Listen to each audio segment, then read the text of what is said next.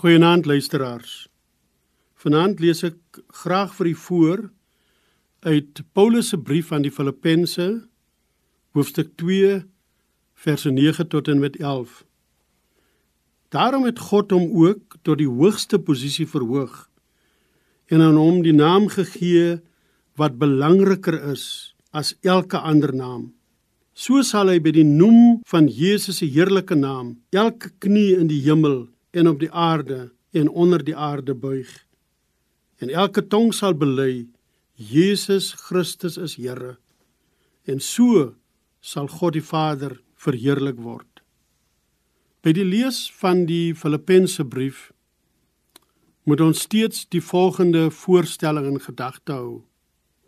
En dit is dat daar in die stadjie bekend as Filippi wat toevallig vernoem is na keiser Philippus, die vader van Alexander die Grote, dat daar 'n klein kuddetjie 'n groepie gelowiges van tussen 30 en 80 mense probeer het om getrou te bly aan die evangelie van Jesus Christus en uiteindelik aan Jesus die Here self. Dit was 'n uiters moeilike opgawe want daar was allerlei dinge in Filippi wat daarteen gemiliteer het. Byvoorbeeld, die Christene moes in Filippi duidelik maak dat nie die keiser nie, maar Jesus Christus die Here is. En dit was nogal 'n besondere uitdaging.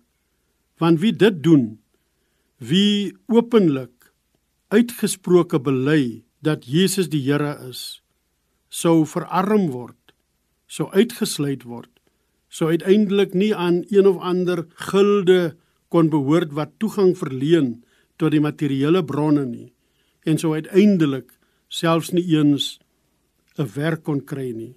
En tog dring die apostel Paulus by hulle aan om duidelik te maak wat hulle lojaliteit is. Hy dring by hulle aan om selfs in die aangesig van lyding, selfs in die aangesig van verguising selfs in die aangesig van uitsluiting staande te bly en steeds te bely Jesus is die Here.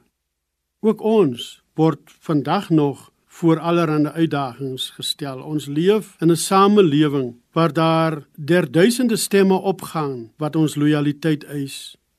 Ons lewe in moeilike omstandighede waar die uitdagings wat deur die verbruikerskultuur gestel word soms veroorsaak dat ons nie al te getrou bly aan ons Here Jesus Christus nie.